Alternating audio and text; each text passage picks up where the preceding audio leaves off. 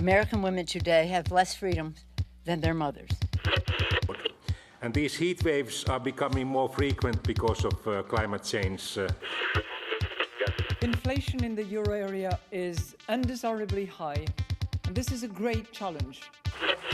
Every image is a new discovery, and each will give humanity a view of the universe that we've never seen before. Кожен, хто має бойовий досвід і може приєднатися до оборони України, повинен негайно прибути до відповідних центрів комплектації. We have had wars with Russia, and we don't want that kind of future for ourselves, for our children. Hasta la vista, baby!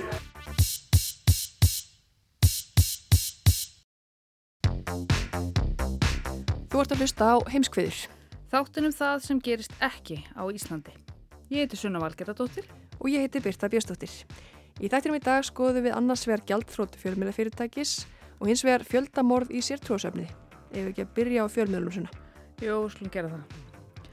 Bandarísk-kanadíska fjölmiðlafyrirtækið Vice Media sóttu um gjaldþrótaskipti í byrjun vikunar og söluferli miðilsins er þegar hafið.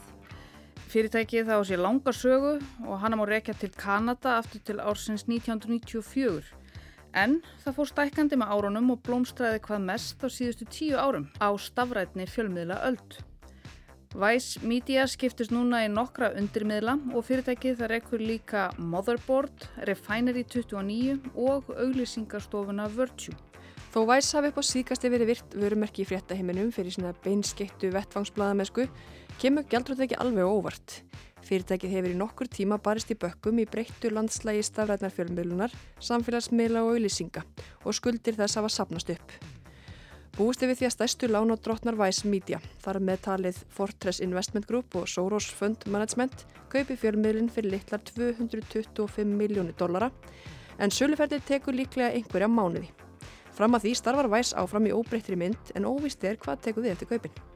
Og það er hann Jóhannes Ólafsson sem ætlar að ræða við bladamennina Jóhannes Káur Kristjánsson og Aðalstein Kjartansson en þeir hafa lengi fylst með væs.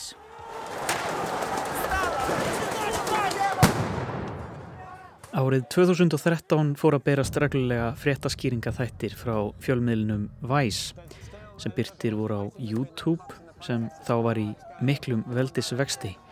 Þetta voru alþjóðlegar fréttir sem Væs lísti sjálft sem lítið dekkaðar, underreported, þar sem fréttamenn með lítil kvikmyndatöku teimi voru mætt á svæðið, jáfnvel fyrst allra, ofta á átaka svæði. Það hefur enda lengst af einkjent væs að fara út á jæðarinn og ofan í undir heima með áherslu á rannsókna bladamennsku um félagsleg og pólitísk málefni, glæpi í Venezuela, mótmæli í Tyrklandi, Ísrael og Palestínu, Norður Kóreu, borgarastríðið í Sílandi og svo margt fleira. Þetta er gerðnan augrandi fréttamennska, nærgöngul og þórin. There's small protests like these all over the city. These are people that are coming from Lima, they're coming from the countryside, from the rural side. In December of 2013, Vice News went to the Central African Republic to try to understand an underreported conflict that was descending into what the United Nations called complete chaos. So we're at a hospital in the capital of Yemen, right next to the Ministry of Defense, where Al Qaeda launched a, a huge attack Ukraine stands on the brink of disaster. After losing the Crimea Peninsula to Russian annexation, it now faces losing control of its eastern regions in a struggle with pro-Russian separatists. Og á bakvið þetta er lengri saga. Vice var stopnað af þeim Shane Smith, Shuros Alvi og Gavin McInnes árið 1994 þegar þeir félagar voru um 24 og 5 ára. Þetta eru ex-kynnslóða strákar. Þeir gáfu fyrst út tímaritið Voice of Montreal það sama ár í Montreal í Kanada með styrk frá hennu ofinbera og í þessu nýja bladi var fjallað um tónlist, menningu, ný trend, ný eitulif, eitthvað sem ekki var fjallað um á hefðbundum miðlunum. Nafni tímaritsins var svo breytt í Vice árið 1996. Væs sem þýðir löstur, eitthvað ósiðlegt eða spilt. Og blaðið sapnaði smám saman miklum vinsældum eftir að kanadíski fjárfæstirinn Richard Salvinski komað borðinu með nokkrar miljónir fluttu þeir höfustöðarnar til New York árið 1999. Við það stækkaði lesendahópurinn enn meira. Það var aðalega yngra fólk sem las Vice sem þyrsti í fréttir af því sem var að gerast í alvöru. Undirvagni heimsmálana þar sem hlutirnir eru sagðir reynd út. Eins og bladamæðurinn Aðalsteinn Kjartansson sagði um sín fyrstu kynni af Vice Magazine en ég settist niður með honum og kollega hans úr bladamannaheiminum Jóhannessi K.R. Kristjánsinni.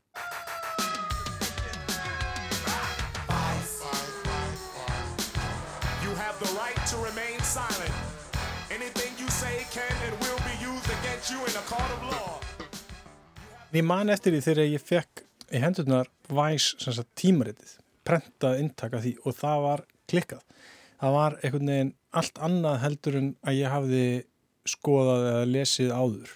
Og uh, sko já, ég tala náttúrulega íslensku þannig að það er kannski ekki rétt að segja að þið ta hafi talað mitt tungumál en það var miklu þægilega að lesa þetta og miklu skemmtilega að lesa þetta heldur en svo margt annað og það virtist þannig að vera á sama tíma eins og þetta væri sko þó þetta væri svona óformlegt og kannski eins og Jónas Kristjánsson heitin hefði talað um sko að, að tala bara tungumál þess sem er að lesa sko að það virtist þetta samt vera vel unnið og áræðanlegt og bara svona almennileg bladamennska á tungumáli sem að ég nefndi að lesa mm. og það var ótrúlega mikil upplifum, ég man þetta ennþá þegar ég fekk þetta blað einhvern veginn í hendurnar og, og fór í gegnum þetta og bara betur, má skrifa svona, má segja svona, má gera þetta svona?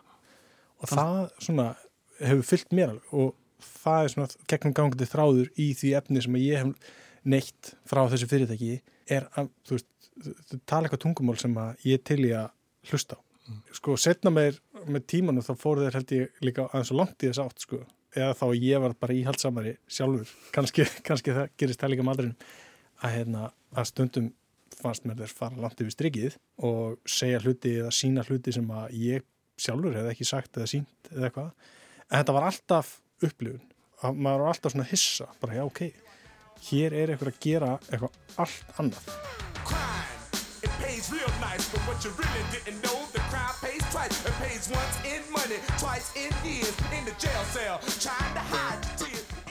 Ég á bara sko, sveipaða sögu, ég man ekki hvaða ár það var sem að ég fekk væs tímaritið í hendunar, ég man ég var statur í Köpmanna og mér fannst þetta eins og aðstil lýsið bara sko, sveipuð upplifun að mér finnst þetta augrandi, mér finnst þetta vera, greinarna voru bara alveg svona, það, það var ekki verið að skreita texta minn einu heldur var bara, og svona, já, voru notu gífur yfir og stundum voru dónalegt og myndbyrtingar eða svona kartún teknimyndi voru svona aldrei augrandi líka, þannig að það var einhvern veginn þeir bara, já, þeir, þeir leðu sér að, að segja hlutina eins og þeir eru og fóru örglega yfir ykkur, ykkur, ykkur ákveð mörg og og mér finnst að það var innkjent bara væs svona alveg frá því að ég byrjaði að fylgjast með þeim, ég mar ekki hvað orð það var.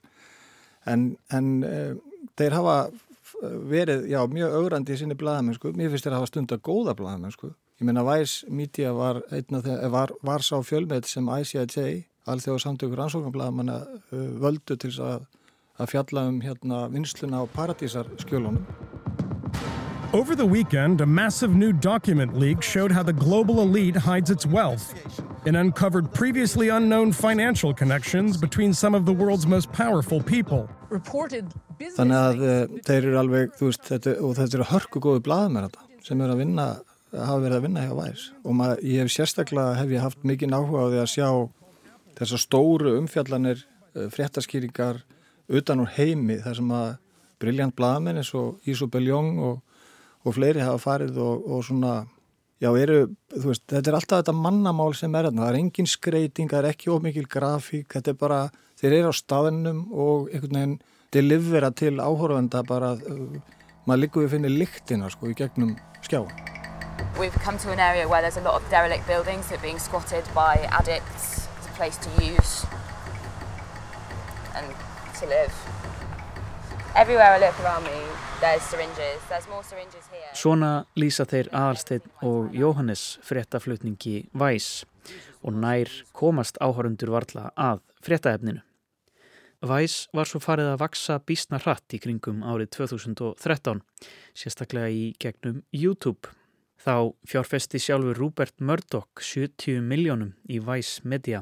Það sama ár fóru líka í loftið um hálftíma langir fréttaskýringaþættir á HBO, Vice, framleitir af Bill Mayer, með stopnandan Shane Smith í farabróti. This week on Vice, Thomas heads to Indonesia, where they think smoking doesn't cause cancer, it cures it. Kemoterapi berhenti, terapi di sini. And I travel from New York to Mexico, where an addict tries to kick the most addictive drug in the world by using the scariest drug in the world. I just want to be happy, man. You know, I just want to wake up. And... Vice News fór í loftið árið 2014 og náði alþjóðleiri hilli, sérstaklega með umfjöllunum átök í Úkrænu og Venezuela. Og fram til dagsins í dag hefur þetta bara verið á uppleið með nýjum undirmiðlum og umfjöllun á helstu samfélagsmiðlum. Og Vice er alltaf með puttan á púlsinum. Það var kannski ekki að fyrsta sem ég sá sem sagt, uh, frá Úkrænu þar sem að voru einhverju fjölmjölumenn sem að fóru til Úkrænu og, og fóru inn á þessi átakasvæði. Ég er ekki, ekki örugræði að segja að það hafi verið fyrsta svoleiðis umfjöldunum sem ég sá sem hafi verið frá Vice en klárlega en eftirminnilegasta umfjöldunum frá upp hafi Úkrænustrýsins núna og innrjása rúsa inn í Úkrænu kom frá Vice og það sem að það er bara blamaður sem fer með producent eða tökumanni bara inn á átakasveðin. Hind Hassan was in the trenches with Ukrainian soldiers gearing up to fight a battle few think they can win. We're in eastern Ukraine with government forces who are preparing for the possibility of a Russian offensive. We're very, very close to the front lines with the Russian-backed separatists who are on the other side. Og miðlunar leiðin og frásakarstýllin sem að uh, hefur fengið að ráða ríkjum á væs sem að er eins og Jói er búin að nefna sko, tala bara svona mannmál og, og hérna, eru á staðnum og er ekkert að skreita neitt. Svona er þetta bara. Og stríð er ömulegt og við ætlum bara að sína ykkur hvað það er ömulegt og við ætlum að tala við vennilegt fólk um hvað þetta er erfitt og hvað þetta er hræðilegt og við ætlum að einmitt fara alveg að því að leiða ykkur að finna lyktina þeina við að lýsa þessu. Og það er svo áhrifaríkt sko. Og það náttúrulega líka kostar ógeðslega mikið af peningum og það er ógeðslega flókið. Mm. en þeim sko fyrir utan peningaliðina greinilega að þá hefur þeim tekist þetta rosalega vel upp. Og það er margar svona minningar af, eða minningar af því að hafa horta fréttir ég man eftir mörgum fréttaumfyllunum þar sem að þetta var tilfinningin mér leiði eins og ég væri að fá einhvern aðgang að einhverju sem að virtist vera óra fjarlægð frá mér tala við talibanarleit og veist, fara inn á svæði sem að við, við lesum um í einhvern skýslum og eitthvað svona dót sko, og, og, og þarna eru bara frettamenn og kveikmyndagerðamenn væs mættur á staðin og segja okkur bara, heyrðu, þetta er það sem er í gangi. En mér hefur þótt uh, merkilegast og það kannski sittur svona uh, mest eftir hjá mér er hvað væs hefur farið inn á svæði í heiminum það sem eng, bara eru svona, þú veist, það er eins og maður segir það er bara underreported. Það er ekki verið að fjalla um það hvernig ólíu fyrirtækin í einhverju uh, Afríkuríki er að skilja eftir sig uh, þar sem þeim voru að, að bóra eftir ólíu eða ólíu hreinsistöð væsi komið þangað og fjallað mengunna í litlu þorpunum eitthvað starf út á landi sem enginn er að spá í. Og það, það er margar frettir sem það er gert svona sem eru mjög merkilegar og, og hefur sumar þeirra, ég hef nú ekki fylst með því en ég allan að mann eftir einu, ég man nú ekki hvaða landið þetta var að, að hérna, þá, það voru ykkur aðgerið til það í, í kjölfarið á þessum réttaflutningi sko. Þannig að, en já, þeim, þeir, þessi hlið á væsi hefur verið algjörlega briljant. Mm -hmm.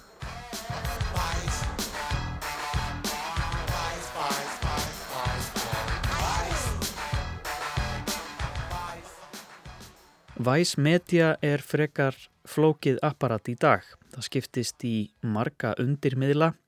Vice þar langstæst og þar undir eru Vice News með allskynns tegundum af frettaskýringa þáttum, Munchies sem er matarblogg, Noisy þar sem fjallar um tónlist og Motherboard þar sem fókusin er tæknimál.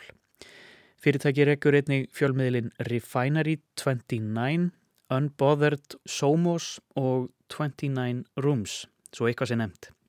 Og hver þessara miðla er með sinn markkóp og sínar áherslur. Svo er auglýsingastofa þarna undir, sjónvarps, framleiðsla og dreifing og margt fleira. Fyrir utan það að Væs er með höfustöðvar og starfsmenn víða um heim, Þetta er sem sé stórt og rót gróið fjölmiðla fyrirtæki sem nú er að hrapa í gjaldþrótt og var það tilkynnt í byrjun þessarar viku. Söluferli miðilsins er þegar hafið. En þótt væs hafi um árabil verið virt vörumerki í fréttaheiminum fyrir þessa beinskeitu vettfangsbladamennsku kemur gjaldtrótið ekki alveg á óvart. Fyrirtækið hefur í nokkuð tíma barist í bökkum í breyttu landslægi stafrætnar fjölmiðlunar, samfélagsmiðla og auglýsinga og skuldir hafa sapnast upp og það víða. Búist er við því að stærstu lánadrottnar Vice Media, þar á meðal Fortress Investment Group og Soros Fund Management kaupi fjölmiðlin fyrir litlar 225 miljónir dollara en söluferlið tekur líklega einhverja mánuði. Fram að því starfar Vice áfram í óbreytri mynd en óvíst er hvað tekur við eftir kaupin. En af hverju er þetta að gerast? Er þetta ekki bara byltingin í þetta börnin sín? Eins og allt, það kemur inn einhver með grand hugmynd allar að bylta einhverjum bara yðnaði ef við, við lefum að kalla þetta yðnað eh, allar að gera hlutuna öðru í sig allar að hrefa sem miklu hraðar tala, skýrar og allt þetta sem við vorum að tala um aðan og svo einhvern veginn til þess að þetta verði að einhverju svona fungerandi business modeli að þá þarf að vera einhver leiðilegur á hinnum endanum sem segir já, herði, en byrju hérna, við þurfum áskrifundur eða við þurfum auglisendur eða við þurfum eitthvað. Veist, það var að vera að treysta okkur tekjuflæði og eitthvað ekstra mótel sem kannski var ekki raunverulega til staðar. Eða kannski, það var ekki til staðar. Þetta er að fara í gæltrúð sko. það hlýtur að vera hægt að finna af því að þú veist eins og þetta segja sko, erum, þetta er fyrir á stað bara á tíundar miðum tíundar til síðustu aldar og þetta búið að vera lengi, þetta er ekki nýtt fyrirtæki, þetta er ekki eina af þessum vefsíðum sem að urðu til bara hérna 2010 eða, eða 2015 eða 2020 þetta er raunverulegt fjölmjöla fyrirtæki sem hefur gefið út uh, prentað blað hefur verið með sjómastætti á sjómastöðum og þú veist það er meira þarna heldur en bara eitthvað vefsíða, það er infrastruktúr sem eru verðmætt í þannig að ég held að hljóta að vera eitthvað sem getur fundið business model í, í kringum þetta. Mm. Ég held að það sé bara svona, mitt mat er að það sé svona blanda því að þeir fóru, þeir voru að vasast í ofmörgum hlutum, þeir voru með ofmargar vefsíður og of, of mikið af sjónvastáttum bara á Facebook eða hvaða var og svo með Wise News Tonight sem átt að vera svona magasín frétta þátturinn á hverju einasta kvöldi Uh, fyrst á HBO og svo Showtime og, og, og búið að flakka á millileikun neginn svo er það með Wise World News sem var vikulegu þáttur. Uh, þannig að þú veist, þetta var rosalega operasjón og tekjurnar, jújú, jú, það voru eitthvað tekjur í kringum þessar sjónastöðar og sölu á, á efnin eða samstarfi þær í sjónastöðar en það vant síðan náttúrulega áskriftar sko tekjurnar af þessum miðl, eða þessum websíðum eða Facebook eða hvað það var og, og YouTube og þetta, það það, það voru ekki að koma áskriftatekjur þaðan og svo hefur það náttúrulega verið að gerast eins og hefur verið að gerast hérna á Íslandi og, og allstaðar í heiminum að, að auglýsingatekinnir eru náttúrulega bara að sapna saman á þessum stóru samfélagsmiðlum.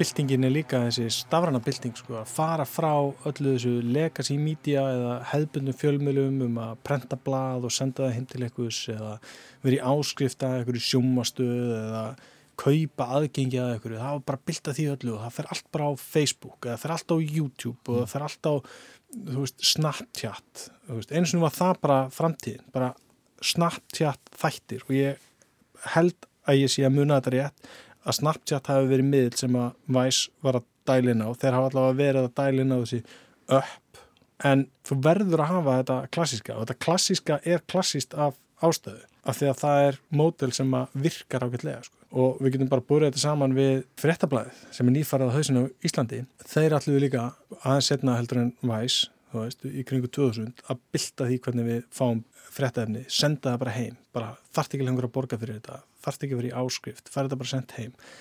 Og ok, þú tekur inn einhverja tekjur, tekur inn einhverja tekjur og svo einhvern veginn um leið og þeirra hallanda fæti þá verður þetta alveg óviðstingilega erfitt og svo kemur einhver auðmaður og reddar þér og er dælt inn einhverjum peningum en mótil gengur aldrei upp og svo er þetta alltaf að reyna að stilla á mótilið og, og svo endrar þetta bara í gjaldtróti og hver þátturinn að fætur öðrum í hérna, einhverju fjölmjölaríni þeir að velta fyrir hvað gerðist og ég held að einfald að svari sé bara hefðu, þurfum bara að halda okkur við það sem að virkar og fá ja. fólk til að borga fyrir efnið þú þart að vera í þannig sambandi við lesandan eða áhörundan að hann sé tilbúin að leggja einhverja peninga eða leggja eitthvað undir til að segja bara, herri, ég, þetta er efni sem ég vil, ég ætla að velja þetta, ég ætla að kjósa þetta efni með veskinu mínu. Það samband þarf að vera til staðar af því að sambandit við auglisendan, það er bara hendurleika samband auglisendans hverju sinni. Mm -hmm. Hann er bara veltaði fyrir sér hvar hann er í massan. Hann er ekkert að veltaði fyrir sér gæða efninu, nema bara mjög litlu leti og, og, og, og það verður mjög grund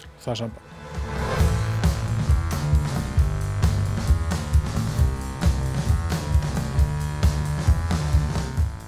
Ég held að þetta sé bara svona. einhvern leiðrétting og en svo kemur, þú veist, það kemur önnur bylting, bara við vitum ekki alveg hvernig hún verður, sko. En ég, þessir, þessir stóru samfélagsmiðla náttúrulega, ég veit ekki hvað, það er búið að tala um það í nokkur ár, hvað, hvernig ég að regulera það, hvernig, þú veist, ég minna auðlýsingatekjunda sem er að flæða hér úr landi og ekki skattar borgaðar að neinu og eitthvað, eitthvað þannig, sko, að ég veit, maður sér ekki alveg hvernig það endar, það er búið að tala um þetta í mörg ára, það er ekkert gert, eitthvað, þannig að Ég held að áskriftamódili sem komið til að vera allavega núna þanga til næsta bylting kemur sem við veitum ekki hvernig verður. Og það sem hefur líka verið að gerast um mér áhugaðist er að sko, einstaka bladamenn eru farin að verða af eitthvað svona fjölmjörgum og þú nefndir Vox áðan að það er bladamæðurinn Johnny Harris Eh, sem að gerði ótrúlega flotta sjónvarstáttaserju fyrir Vox sem Borders. I came here to find out how the two countries that share this one island can be so different. With a politically volatile and impoverished Haiti on one side and the stable and relatively rich Dominican Republic on the other. Það var einmitt framleitt bara svona með þessum, þessum væs svona mótel í huga að rettum þessu bara, finnum út úr þessu og hann fór einn með myndal og dróna og gerði bara ótrúlega gott efni. Mm -hmm. hann er youtuber í dag. Hann sæði upp í vinnunum sinu og fór bara framlega YouTube þætti og fór að gera mjög áhugavarði YouTube þætti. En það sem er búið að gerast hjá honum núna og hann er farin að tala um núna að hann er að sapna áskrifundum að því auglisendur, þeir eru farin að segja ja, við erum ekki til að kosta þetta vídeo. Þetta er alltaf svona óþægilegt fyrir okkur. Þetta er ekki alveg svona veist, skemmti efnið sem við höfum vanist í að sponsora hjá þér. Þannig að hann er farin í það að vera eitthvað svona one man show sem er samt með starfsfólk núna og áskrifundur sem að styðja við rásinans á YouTube að þetta er svona við erum að fara inn í eitthvað mjög skrítið millibilsástand þanga til að næsta bylting kemur.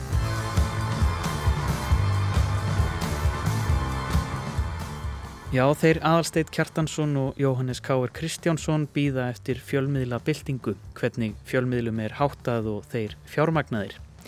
En hvað svo sem verður um væs eftir sölu þess verður að koma í ljós. Það er að minnstakosti einhverjar krossgötur sem liggja fyrir mörgum fjölmiðlum í dag. Frettir af sambærlegum miðlum og væs, BuzzFeed News og Vox hafa verið á sama veg, fjárhagsvandræði og uppsagnir. Hvað þessi næsta bylting feli í sér verður ekkert sagt um hér en eftir liggur þörfin fyrir vandaða bladamennsku og frettaflutning. Við getum alveg spáð því að hún fari ekki í gjaldrótt í bráð.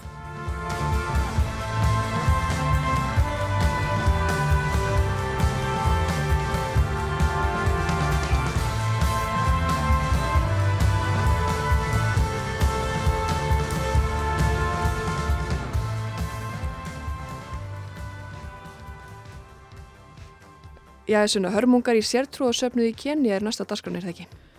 Jú, þetta eru ekki skemmtilegar fréttir sem við erum að fá frá Kenja sem byrjuðu að berast fyrir um það byrj mánuðu síðan og verða einhvern veginn alltaf hræðilegri og hræðilegri eftir því sem dagarnir líða. En núna hefur komið í ljósa að börnin þau voru látin degja fyrst og svo konurnar, svo ungumennir og síðan öll hinn en núna hafa meira en 200 lík mest börn fundist í fjöldagröfum í Shakahóla skójunum í Kenya. En yfirvöld búast við því að þessi óhugnarlega háa tala eigi enn eftir að hækka mjög mikið því að það er enn ekki vitað um afdrif meira enn 600 til viðbútar. Og það er óttast að þau liggi innmitt í svipuðum gröfum sem að hafa enn ekki fundist. Og þetta eru allt fylgjendur sértrúarsafnaðar leðtóhans Sierra Paul McKenzie sem náði að sannfæra söpnuð sinnum að svelta sig í hel til þess að komast til hemna. Það væri eina leiðin vegna þess að dómstægur væri nefnilega í nánt. Börn sapnaðar meðlema voru látin sitja meðvitundarlítil undir steikjandi Afrikusólinni til þess að flýta dauðaferlinu á þessu hrikalega fórnar alltari í skólendi austur Kenya.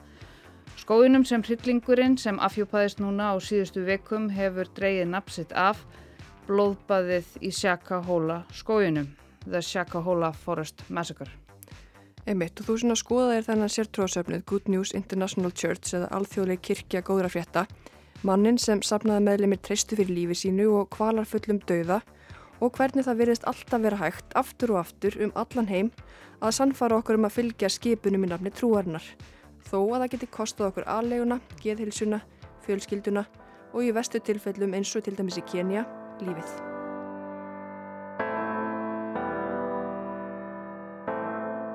Það var fyrir umum mánuði síðan, 13. apríl, sem lauraglann í Kenya fekk ábendingu um mögulegt glæpsamlegt athæfi út í skógi í sveitinni. Máli var aðtúað og lauraglann hún þurfti ekki að leita lengi að fyrstu sapnaðar meðlimunum. 15 manns fundust nánast um leið, en þau voru svo veikburða að það var ákveðið að flytja þau strax á sjúkrahús en ekkert er að lifði af.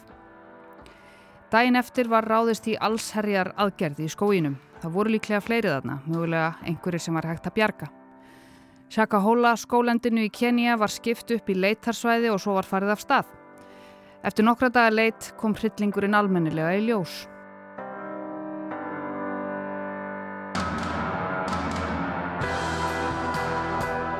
Fjöldagrafir hver á fætur annari fullar af illa útleiknum líkum barna og fullorðina. Keniska þjóðin fekk áfall. Forsettinn sagði að málið erði rannsakað til fulls og þeir sem bæru ábyrð á voðaverkunum erðu sóttir til saka. Og eins og venjulega þegar kemur að skadlegum sértrúarsöfnum því þó að nafnið gefið annað til kynna þá er Good News International Church mjög skýrt dæmi um skadlegan sértrúarsöfnuð. Þá var aðalega einn maður sem bar þarna ábyrð, einn leðtogi, sem talaði fyrir hönd í þessu tilviki Guðs og sannfærði fólkið sitt um að svifta sér lífi á kvalafullan hátt áður en heimsendir mætti á svæðið. Svo þau kæmust alveg öruglega til himna. En hann var sannarlega ekki að finna upp hjólið, hann séra Paul McKenzie. Rivjum aðeins upp helstu heimsenda fjölda sjálfsvíks sértrúarsöfniðuna sem hafa ratað í heimspressuna í gegnum tíðina. Cause the kingdoms of this racist society to become the kingdoms of socialistic freedom. I will cause your desert to blossom as a rose. Jonestown fjöldamorðin eru líklega sá atbyrður sem flest hugsa til þegar kemur að umræðum um sértrúarsöfnuði og sjálfsvík. Yfir 900 fylgjendur bandaríska predikarans Jim Jones strukku eitur eða voru neitt til þess í afrískum skógi 1978. Þetta voru íbúar Jonestown samfélags sem þau hafðu skapað í Guyana eftir að hafa flúið bandaríkin. Söfniðurinn hétt People's Temple og leiðtóin var James Jones. Þegar allt var svona um það byl að fara endanlega í skrúuna hjá Jones eftir að hafa fengið í allt of mörg ára að leiða allt of marga fylgjendur sína hingað og þangað nánast óáreittur fyrir skipaðan þeim öllum að drekka vinnberjasafa með smátas af blásýru. Sum hlítu, önnur voru neitt til að drekka, drekka kúleitið og börnin höfðu ekki hugmyndum að þarna væri eitthvað annað á ferðinni en sætur safi. 912 menn, konur og börn lái í valnum í Jonestown. Jones fannst látin eftir byssuskott í höfuðið, þingmaður og þrýr bladamenn voru sumulegði strefnir. We're hunting Umsátrið í Waco er svo annað dæmi. Nær tveggja mánada löngu umsátri yfirvalda í Texas í kringum aðsetur sértrúarsapnaðarins Branch Davidians í Waco endaði með því að meira en 70 fylgjendur leðtógans David Koresh brunnu inni. Þau eru sögð hafa kveikt eldin sjálf og ákveða að brenna með leðtóganum sem hafði reyndar sleft einhverjum konum og börnum út samkvæmt skipunum frá Guði en restinn brann. Þetta var 1993. I'm Doe for starters. Your only chance to survive or evacuate is to leave. Heaven's Gate var aðeins öðruvísi sértrúarsöfnuður en gengur og gerist. Þau trúðu ekki á Guð eða Jésu heldur geimverur og að þau væru geimverur. Og leiðtógin sem var upphaflega ekki einn heldur voru þau tvö, tí og dó, Karl og kona. Vorið 1997 ákvað hann og tilkynnti að söpnuðurinn, 38 fylgjendur hans í Heaven's Gate, að til þess að komast í gegnum himnalliðið Heaven's Gate Upp á æraplan þurftu þau öll að fremja sjálfsvík á sama tíma.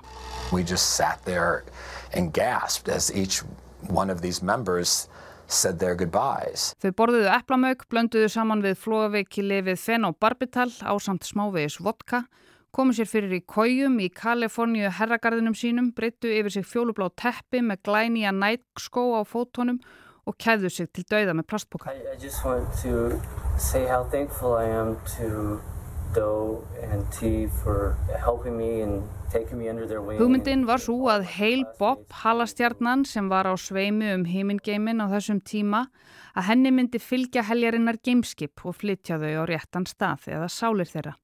Hvort það hafi svo gerst, það fylgir ekki sögunni. En þessir þrýr sértrúasöfniðir, köldar, þetta er allt bandarískir sértrúasöfniðir, auðvitað svona gerist bara í bandaríkjónum eða hvað. Aldilis ekki. Færum okkur aftur til Afríku, til Uganda um síðustu aldamönd.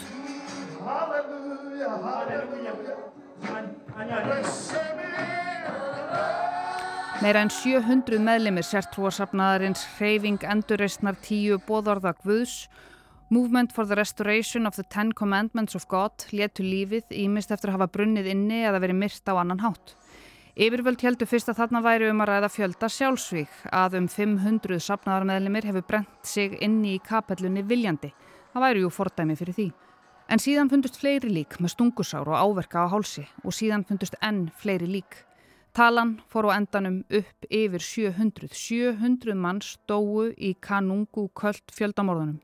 Og hvers vegna? Jú, leiðtóin þeirra Joseph Kipwitiri náði að sannfæra þau um að vera búin að játa syndir sínar og eftirláta honum allar eignir sínar áður en heimsendir kæmi 1. janúar 2000. Heimsendir kom ekki og þá kom nýdagsetning 17. mars 2000, engin heimsendir. Þá var greipið til þess ráðs að hurra um 530 fylgjandum Kipwitiri saman í kirkjuna, negla fyrir allar útgöngulegir og kveikja í. Þau sem dói ekki þar fengu skamt af eitri. Engin var handtekinn eftir ódæðið en leiðtóin er sagður hafa gufað upp, horfið, daginn sem kirkjan brann.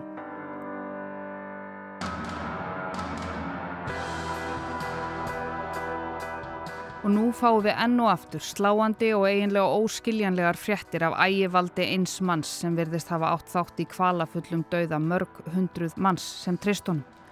Hann sagði þeim að hins og mjög svo títnemdi heimsendir væri í nánd Satan væri að fara að taka hér við taumunum næstu þúsund árin eða svo og eina leiðin til þess að forðast það helviti á jörð væri að svelta sig og börnin sín í hel. Og eins og gefur á skilja hafa fjölmiðlar um allan heim fjallað um örlög fólksins í alþjóðlegri kirkju góðra frétta Good News International Church. Fréttastofu Reuters gerði sumulegis ítarlega úttækt á manninum sem leti söpnuðin, séra Paul McKenzie. Kanski best að taka það fram að sér hann situr nú á bakvið lás og slá og býður dómsins. En hver er hann, þessi maður? Skulum skoðan en bara stuttlega. Now, as more bodies are exhumed from the Shakahola forest, so are more revelations concerning this cult-like religion associated with controversial Pastor Paul Mackenzie. That was the parting shot of Pastor Paul Mackenzie, lead of Good Life International Church, fired in uh, documents belonging to the controversial cult leader. So as investigations continue, we hope that we will have... Paul Ntenge McKenzie is due to appear in court next week. The Christian pastor is accused of ordering his followers to starve themselves to death in order to get to heaven before his predicted end of the world on April 15th. Kenyan President William Ruto describes McKenzie as a terrorist, saying he used religion to radicalize thousands many of whom are now dead. This is the moment Kenyan cult leader Paul Mackenzie was being escorted out of police station. Hér heyrðist Mackenzie segja lof sé Jésu þegar hann var leittur út af lauruglustöði Kenya. Hann er vissulega sértrúarsafnaðar leittói og skilgreinir sig sem prest en hann er í grunninn 50 Kenya maður sem hefur lengst af aflað sér viðurværi sem leigubílstjóri. Mackenzie grew up in rural Kwale County in southern eastern Kenya. Hann ólst upp í dreifbili í suðaustur Kenya, fluttust svo til strandbæjarins Malindi og starfaði þar sem legubílstjóri. Síðan var þann sífælt sannferðari um að hann þurfti að bera út fagnæðarerindið út fyrir legubílinn, svo hann stopnaði sína eigin kirkju 2003. Viðmælendur Reuters sem sóttu samkomur Mackenzie sögðust hafa hætt að mæta eftir að predikanir hans urðu sífælt öfgafillri og óhugnanlegri. En hann hjælt áfram, alltaf nót til að fólki sem þarf leiðsögn frá Guði. Það var svo fyrir sex árum síðan, 2017, sem lögreglan í Malendi gerði húsleit á heimili hans og þar fundust 43 ung börn sem byggu þar undir hans umsjá en þau höfðu ekki sótt skóla árum saman. Hér heyrum við í Robert Mbata lýsa því hvernig bróður hans, Paul McKenzie, talaði um hættur almennrar mentunar fyrir börn og það veri einungis mikilvægt að menta þau andlega á trúarlegan hátt. En tveimur árum eftir að börnin fundust, hann var ekki handekinn, sér hann, þá fyrirskipuðu yfirvöld lokun kirkunar, það var 2019. Ætli McKenzie hefði þá ekki bara skoðað hvað forverar hans í starfi eins og til dæmis Jim Jones hafði gert þegar þeim var skipað á lokasjópunni. Jones fór reyndar frá bandaríkunum til Afríku með fylgjendur sína til þess að stopna Jonestown og myrða þau síðan. En McKenzie var nú þegar í Afríku svo hann færði sig bara út í skó. Og þar bjóð hann á samt mörg hundruð sapnaðarmeðlimum alþjóðlegu kirkju góðra frétta frá 2019. Hann var reyndar handekinn fyrir tveimur árum grunnaður um morð á tveimur börnum sem hafðu svelti í hel en hún var sleft gegn tryggingu. En fjölmiðlar um allan heim þeir hafa kefst við að finna eftirlifendur og fólk sem hætti í söpnuðunum en þau standa líklega ekki í röðum og býð eftir því að komast í viðtöl. En þá er leita til aðstandenda sem lýsa kundunglegu stefi. Eginkonan, hún fór út í skóin með sex börn og þau eru öll talin af sagðist það var loks fundið stað sem let henni líða vel. Sónurinn, hann fór með konuna sína og börn, dótturinn fór, móðurinn, fadurinn, fjölskyldan öll og ekkert kom tilbaka. Og nú býða ættingjar í röðum við líkhús og sjúkrahús, býða á milli vonar og óta til þess að bera kennsl á líkin úr fjöldagröfunum. Outside an overcrowded morgue in the coastal town of Malindi, relatives of the victims of the Kenyan starvation cult Fréttamaður BBC í Kenya, hún listi því þegar hún sá fjöldagrafinnar út í skói. We were there yesterday and we were able to see for ourselves the grave sites that had been marked and in each grave site there are several numbers of uh, shallow graves. I saw one that was almost two feet deep. There were five bodies inside, which I did count, and at the same time there were body bags in another tent. Well, this morning, BBC hefur fjallað mikið um hryllingin í Shakahóla skójunum. Í nýjustu umfjölluninni er við drauma viðmalandan, konu sem slapp lifandi úr Good News International Church. Hún lýsir öllu í smáatriðum. Hún segir að fjöldarsjálfsvíðin hafi hafist í janúar.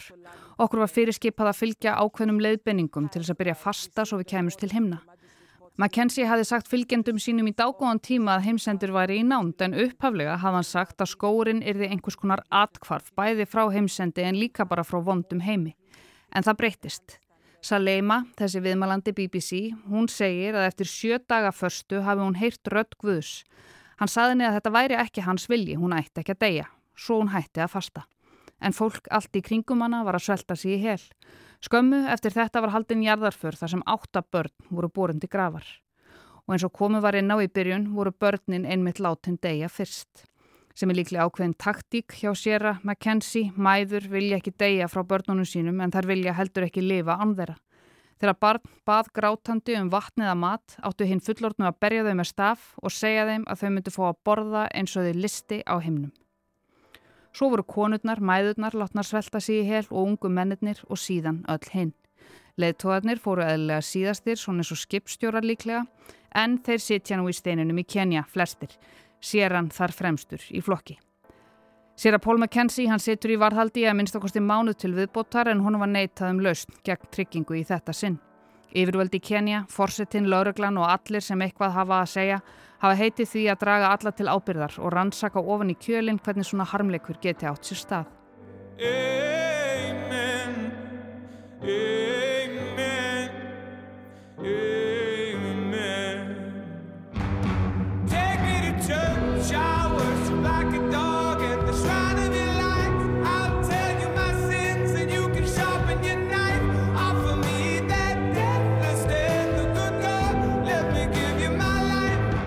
En þetta er gömul saga og ný sem endur tekur sig í sífellu eins og við hefum heyrt og séð í gegnum tíðina.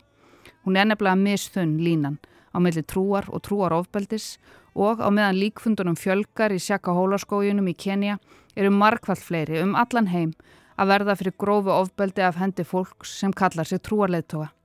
Það ratar nefnilega ekki alltaf allt í fréttinnar.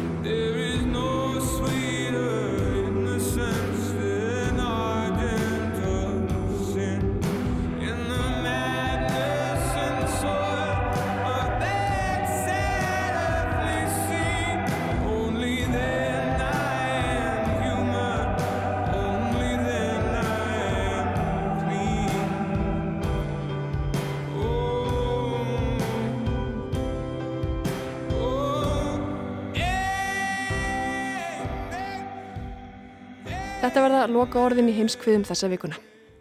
Við verðum hérna aftur á sama tíma í næstu viku. Takk fyrir að hlusta.